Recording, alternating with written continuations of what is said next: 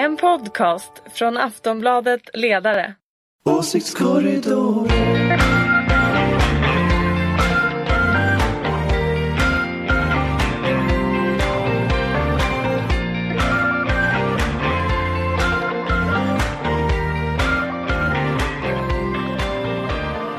Välkomna till Åsiktskorridoren, Aftonbladets ledarsidas podd som i princip kommer varje vecka. Eh, Karin Pettersson och Anders Lindberg är här, två sossar och Ulrika Schenström, moderat. Och jag är Fredrik Virtanen och är neutral. Visst var jag det förra gången Ulrika? Absolut, du Ja. skötte dig. Jag sköter mig. Annars skriver jag ju på ledarsidan på lördagar. Men här är jag snarare på Schenströms sida. Ha, äntligen. Hur har påsken varit Anders? Den har varit utmärkt. Mycket ägg, Karin? både i medierna och i, eh, på bordet. Påsken har varit bra. Påsken är ju den bästa högtiden men det är vi ju alla överens om. Inga krav, god mat och så vidare. Den brukar vara långtråkig. Jag tycker inte det. Nej. Jag tycker Bra. inte det. Nej. Ulrika? Ja, jag har varit i Värmland, det har varit fantastiskt väder. Jag mådde riktigt bra när jag hörde att det snöade i Stockholm och jag var i Värmland och solen lyste och jag har faktiskt haft det riktigt bra. Det är den moderata synen på medmänniskan. Ja, precis. Sol Bara jag, mig. bara jag har det bra. Snö åt grannen. Precis så att du känner mig så väl. Ja, vi sätter väl igång tycker jag. Eh, Budgeten, ni får förklara. Jag tycker det verkar rörigt alltihop. Eh, eh, vad betyder egentligen Alliansens besked om budgeten? Ja, egentligen är det ingenting konstigt. Jag menar så här har ju Alliansen eh, gjort i alla världsliga tider eftersom man i nästan alla världsliga tider har suttit i opposition. Och då har man lagt var sin budget och sen så lägger man ju en gemensam reservation i finansutskottet. Så att det här, jag jobbade ju eh, på riksdagen i många år och eh, har haft så otroligt många presskonferenser där man har lagt fram den gemensamma reservationen i finansutskottet. Så att eh, jag tycker inte det är något konstigt alls att man lägger fram eh, gemensamma budgetar. Dessutom så om vi tittar på mandatperioden 22 till 26 så gjorde man ju egna eh, budgetar eh, förutom den sista som man gjorde gemensamt. Så att de har väl tänkt att liksom göra det som mandatperioden 02 till 06 och sen så lägger man väl fram en gemensam, en gemensam kanske inför 18 då. Karin? Ja, nej, men det var två eh, saker det kom i den här debattartikeln. Det ena var ju det här beskedet om att man skulle göra eh, enskilda budgetmotioner. Och jag måste säga att det är ju en ganska stor händelse. Vi har haft en allians som har eh, vars största liksom fördel gentemot väljarna har varit att man haft gemensam politik under många års tid nu. Och nu lämnar man det. Och det är klart att det är ett stort skifte. Men det andra som fanns i, och det man kan säga om det är väl att ja, det finns ju ingen allians nu eftersom man inte har då gemensam politik utan här går man fram på fyra olika plattformar. Så det är en ny Men nu hade ju politik. trots allt partisekreterarna också en presskonferens där de la fram allt som de skulle göra gemensamt. Så att ja, jag, tycker jag- nog att, jag tycker nog att man inte kan eh, jämföra saker hur det fungerar när man sitter i regeringsställningen, när man sitter i opposition. Och dessutom så tror jag det kan vara nyttigt för de här fyra partierna att gå in i sig själva och se över den politikutvecklingen som jag tror att de behöver göra. Men en- Eh, och det är ju nästan absolut det absolut Fast det är, ändå lite, viktigaste. det är ändå lite roligt att för ett halvår sedan så var det, så var det liksom då stod de här fyra partisekreterarna och verkligen skrek ut att Men har då man kanske- ingen gemensam politik så har man inget regeringsalternativ. Så nu kan vi konstatera att nu har i alla fall inte Alliansen något Nej regeringsalternativ. men man kan ju tycka det är lite fint visserligen, regering. Men, men, men alla som har Igen. varit med i riksdagen och suttit i opposition vet ju att det är så här man har jobbat i alla världsliga tider. Så att eh, det är möjligen att det kan bli fnissigt i jämförelse med vad de sa det är då. ändå lite roligt att samma personer säger helt olika Ja, besked. men de kanske har helt enkelt tänkt efter och kommit på att så som vi alltid har gjort eh, fungerar kanske bättre. Men en intressant sak Sitter i opposition. en, äh, sluta tjafsa nu. En intressant, Bra båda, nu Karin, menar jag båda! Båda, båda två, sluta tjafsa. Båda två, jag ska säga en sak här nu. Och det är att Småbarnsförälder Ja, det är väldigt sådär.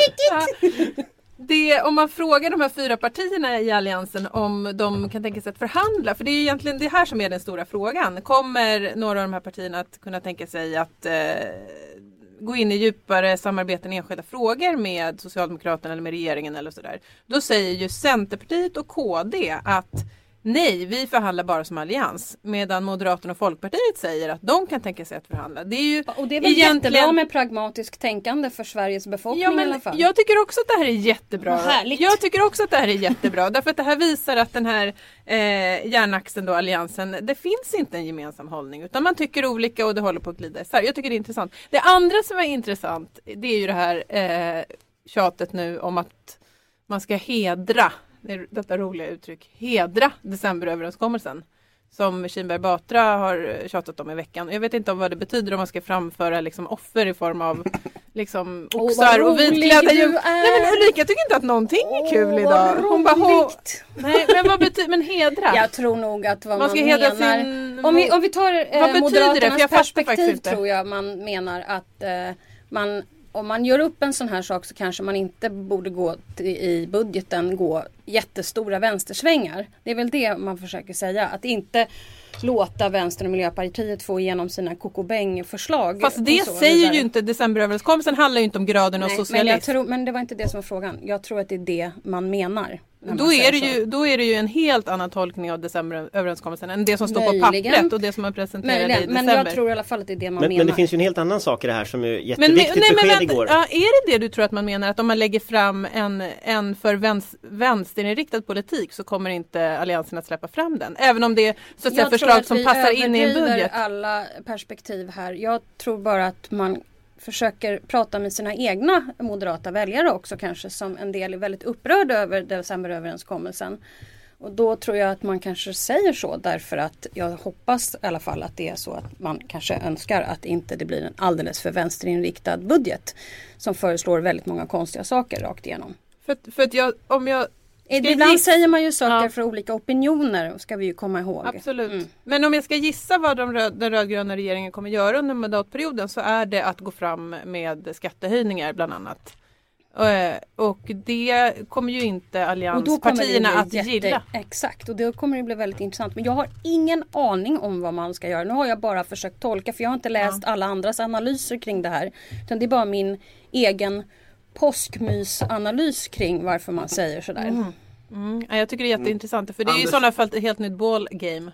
Hade du något att tillägga Nej, Anders? alltså, jag, jag tycker en helt annan sak är intressant som ingen annan tycker är intressant tror jag är här. Och, och det, det, det är den här frågan om att, att Alliansen ska lägga fram en, en gemensam motion kopplat till vårändringspropositionen. Därför att det är ju så att, att eh, Magdalena Andersson vill ju också korrigera en massa av de här dumheterna som Alliansens budget drev igenom i höstas. Förklara skillnaden mellan de här två Jo, propositionerna. jag ska göra det strax om Ja. jag får en chans. Eh, Det är småbarnsförälder. väldigt Eh, småbarnsföräldrarigt det är väldigt här småbarnsföräldrarigt här tror jag. Eh, jo, nej men och då är Talk to då, me like I'm a four year old. Ja det är det jag gör.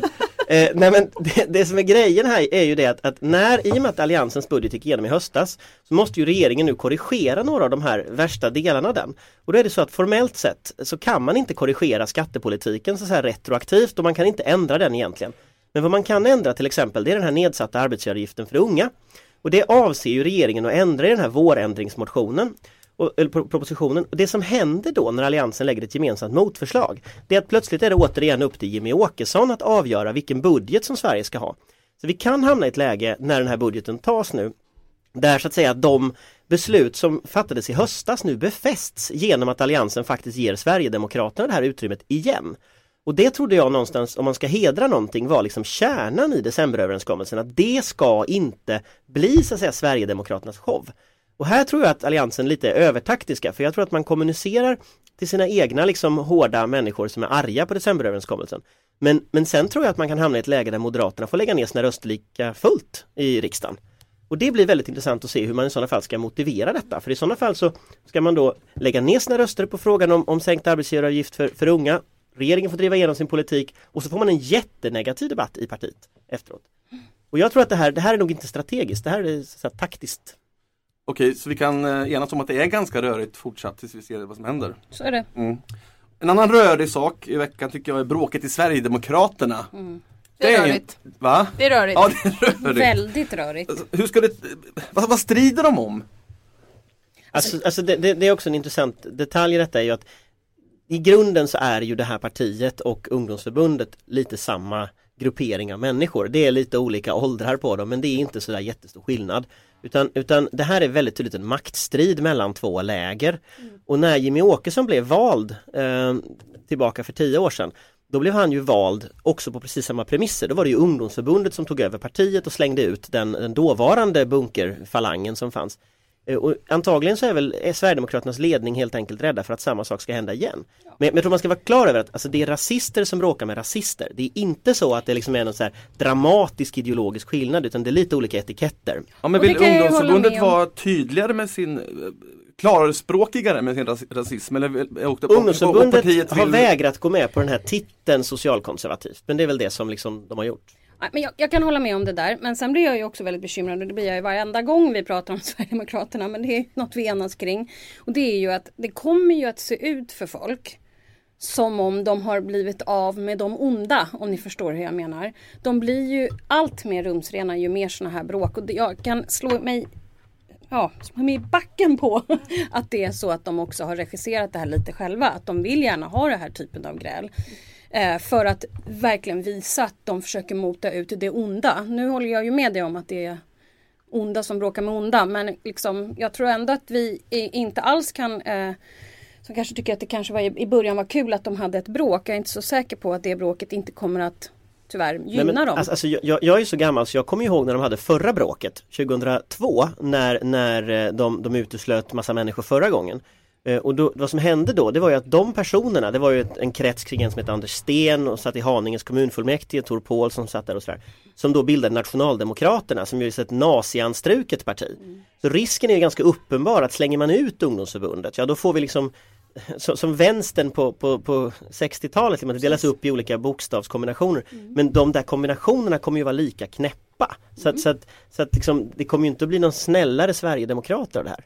Nej men eh, det man ser, det här, det här är ett tecken på också och det är ju intressant om man jämför med andra eh, partier. Det är ju att Sverigedemokraterna är ju extremt toppstyrt. Det är verkligen de här fyras gäng som fortfarande bestämmer i Sverigedemokraterna. Och de vill absolut inte släppa ifrån sig någonting av detta. Och precis som Anders säger, de tog själva över partiet på det viset. Och man är livrädd för liksom, den typen av uppror underifrån. Sen är det intressant också med eh, Mattias Karlsson är ju utmålad som bad guy här av ungdomsförbundet medan man inte vill slå på Jimmy Åkesson utan liksom man säger att det är under Mattias Karlssons ledning som det har blivit så här och, och bla bla bla. Och Jimmy Åkessons roll framöver är fortfarande extremt oklar. Hur mycket han ska kliva in, ska han vara partiledare? Eh, så att jag håller med Ulrika om att de verkligen försöker framea det på det här sättet och verkar lyckas ganska bra med det. Eh, att liksom, nu puttar vi bort de här onda och så är det vi liksom mer mittinriktade eller socialkonservativa, lite mer civiliserade som är kvar. Eh, fastän det inte är sant. Men i vanliga väljares ögon då kan det inte ändå framstå som att det är mycket strul och att det är oseriöst och för mycket bråk i partiet? Jag Det vet är inte, tidigt att säga än såklart. Jag tror inte att väljare bryr sig så himla mycket om den här typen av interna eh, bråk överhuvudtaget i politiken egentligen. Det Och tror jag dessutom- faktiskt inte. Och nu verkar det ju också dessutom på det som att Sverigedemokraterna, det, det som kommer ut så att säga är den här versionen att liksom eh, extremisterna försvinner och vi lite mer För vi kommer ju är ihåg, vi kommer ju ihåg när Sverigedemokraterna och eh, järnrörs eh, skandalen höll, höll på där i någon vecka eller två. Då kommer jag också ihåg Tired of ads barging into your favorite news podcasts? Good news. Ad-free listening is available on Amazon Music for all the music plus top podcasts included with your Prime membership. Stay up to date on everything newsworthy by downloading the Amazon Music app for free or go to amazon.com slash news ad free. That's amazon.com slash news ad free to catch up on the latest episodes without the ads. ihåg att alla som kommenterade satt så här och liksom ja det är så bråkigt och det här gillar inte väljarna och det här är så hemskt. Varenda kommentator satt och sa det. Nu kommer de äntligen försvinna. Och det enda som hände var att de bara raceade upp i opinionen. Så att För de förväntningarna finns vi- inte på det här nej, partiet. men alltså vi, vi undervärderar dem hela tiden på något sätt och tror att det är det vi ser som händer. Jag tror bara att de håller på och försöker visa upp att de är, blir allt mer um, rumsrena. Ja, detta om SD. Tågkaoset. Ja, som tur var tog jag bilen ner till Motala, vilket var otroligt mycket köer. Men sen när jag åkte hem så hörde jag att det var helt stopp från och till Stockholm. Då. Eh, Det var, det var en i, i raden av kaos kring eh, järnvägen. Eh, va- Varför fixar Och ingen nu det här? kommer ni ju fullkomligt att dö. Titta vad jag har skrivit på pappret. Oj. Måste- Vad måste- har Ulrika Schenström Förstatliga skrivit? Förstatliga skiten. skiten!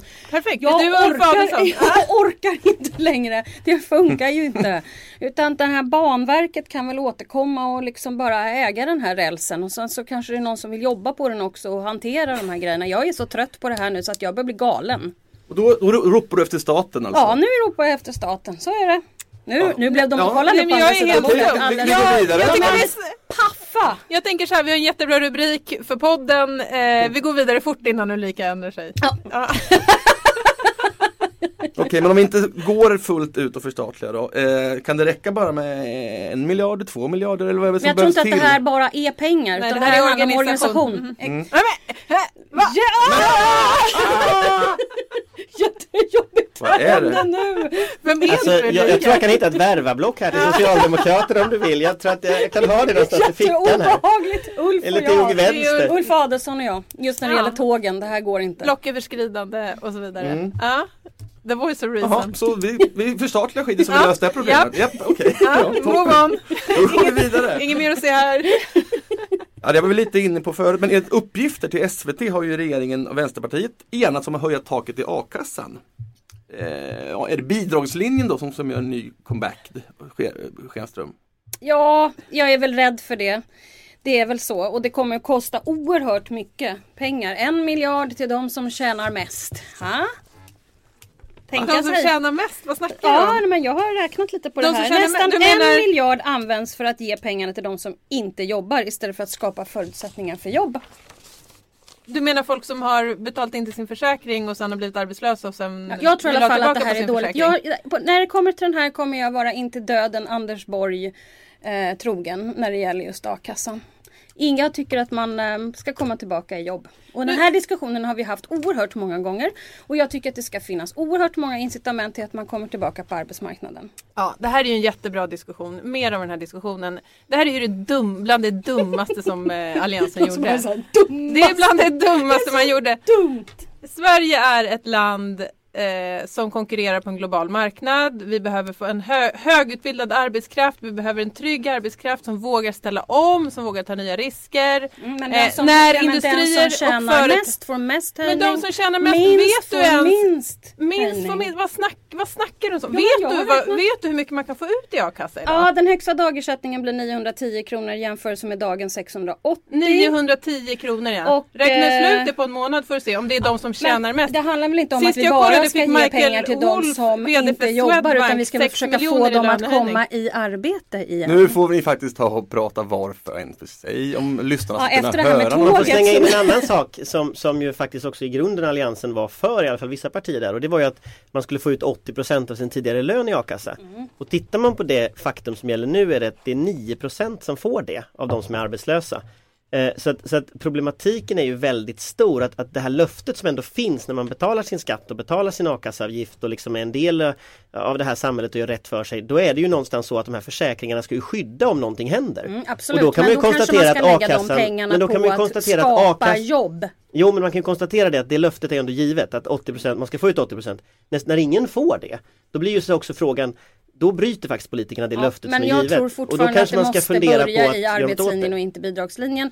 Utan att man lägger Men mer pengar på det här att så kallade skapa arbetslinjen har ju man prövat i åtta års tid från Alliansens sida. Ja, och men det har ju inte gått sådär klockrent. Ja, så att- det så där att- finns det ju olika diskussioner om och den här har vi bråkat om kanske varje Jo, gång men om man här läser på året. Statistiska centralbyråns hemsida så finns det ungefär 400 000 Och man arbetslösa i kan Sverige. läsa det på väldigt många olika nej, sätt. nej, de 400 000 Jag kan du inte tycker, läsa på jag många tycker sätt. att nästa gång vi sitter här och diskuterar, då tycker jag att vi ska ta hit en som kan förklara ordentligt Anders skillnaden. Borg tänker du nu eller? Nej, nej, jag tänkte inte ta hit Anders Borg. inte- Då tar vi hit Anders Borg som kan Det, förklara det skulle i och för här lösa mycket men han kan ändå inte förklara bort att det är 400 000 arbetslösa och då är frågan så här om en arbetslinje resulterar i 400 000 arbetslösa kan det vara något fel på den?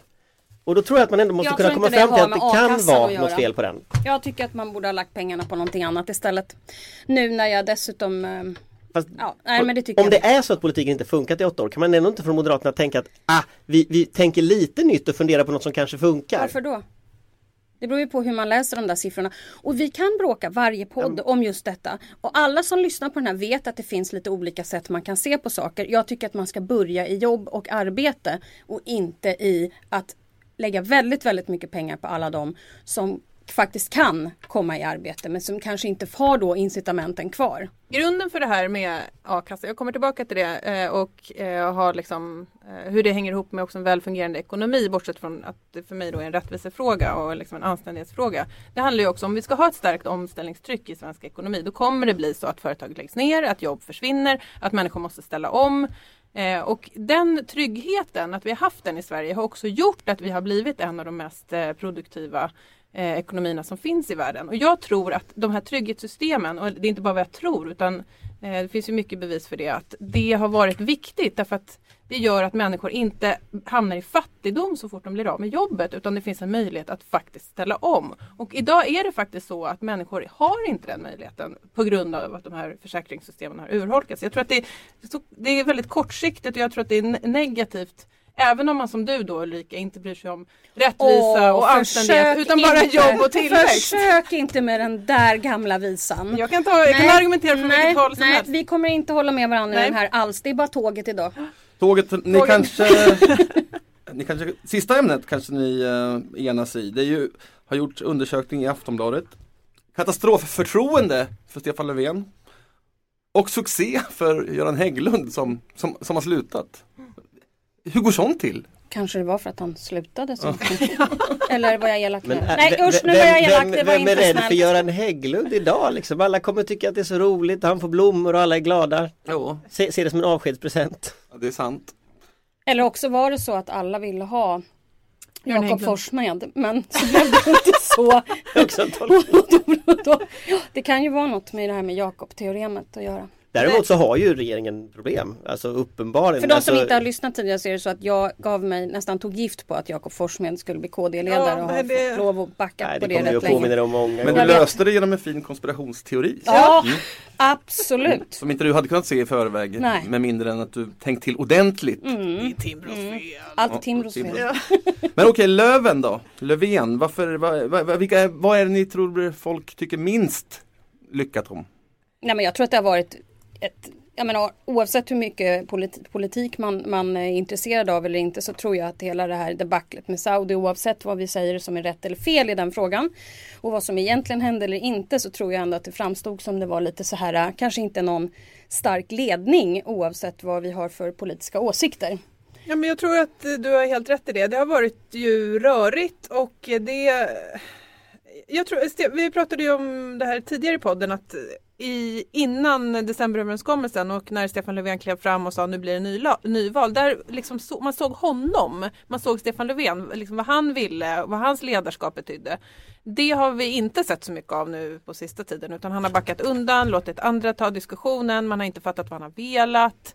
Eh, han, eh, ja, han, jag håller med. Han, han Men sen- framstår inte som en ledare. Sen behöver man inte vara liksom Göran Persson Nej.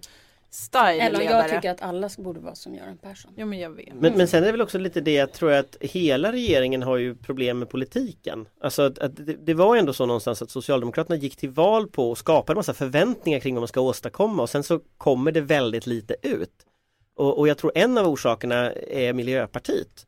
Och, och den som kanske faller mest förutom Löfven här det är ju Åsa Romson.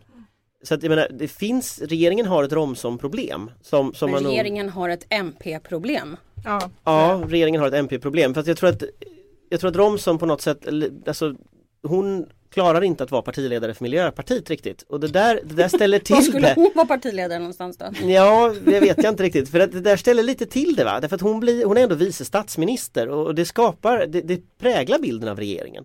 Och liksom summan av alla de där sakerna gör att det finns liksom ingen styrfart. Och det är den där klassiska att om man, liksom, om, om man cyklar fort så kan man inte peta omkull någon men om man stannar med sin cykel då ramlar man. Och det som liksom regeringen gör nu det är att de liksom de hjälpligt rör sig framåt vilket gör att de snubblar och ramlar hela tiden. Mm. Och det tror jag väljarna, väljarna väl ser också. Men Så sen är det väl också så, nu nu har man fortfarande suttit på en borgerlig, om jag ska liksom ta lite motsatt position, eh, även om jag ja, faktiskt håller med vad båda ni säger, så har man fortfarande suttit på en borgerlig budget och inga, man har inte haft möjlighet att genomföra några av den, något av den politik man faktiskt gick till val på. Det kommer ju ett antal förslag nu nästa vecka i vårbudgeten och sen det stora kommer väl i höst eh, och under nästa år. Men det, det, det, upp, det känns väldigt rörigt, det gör det verkligen.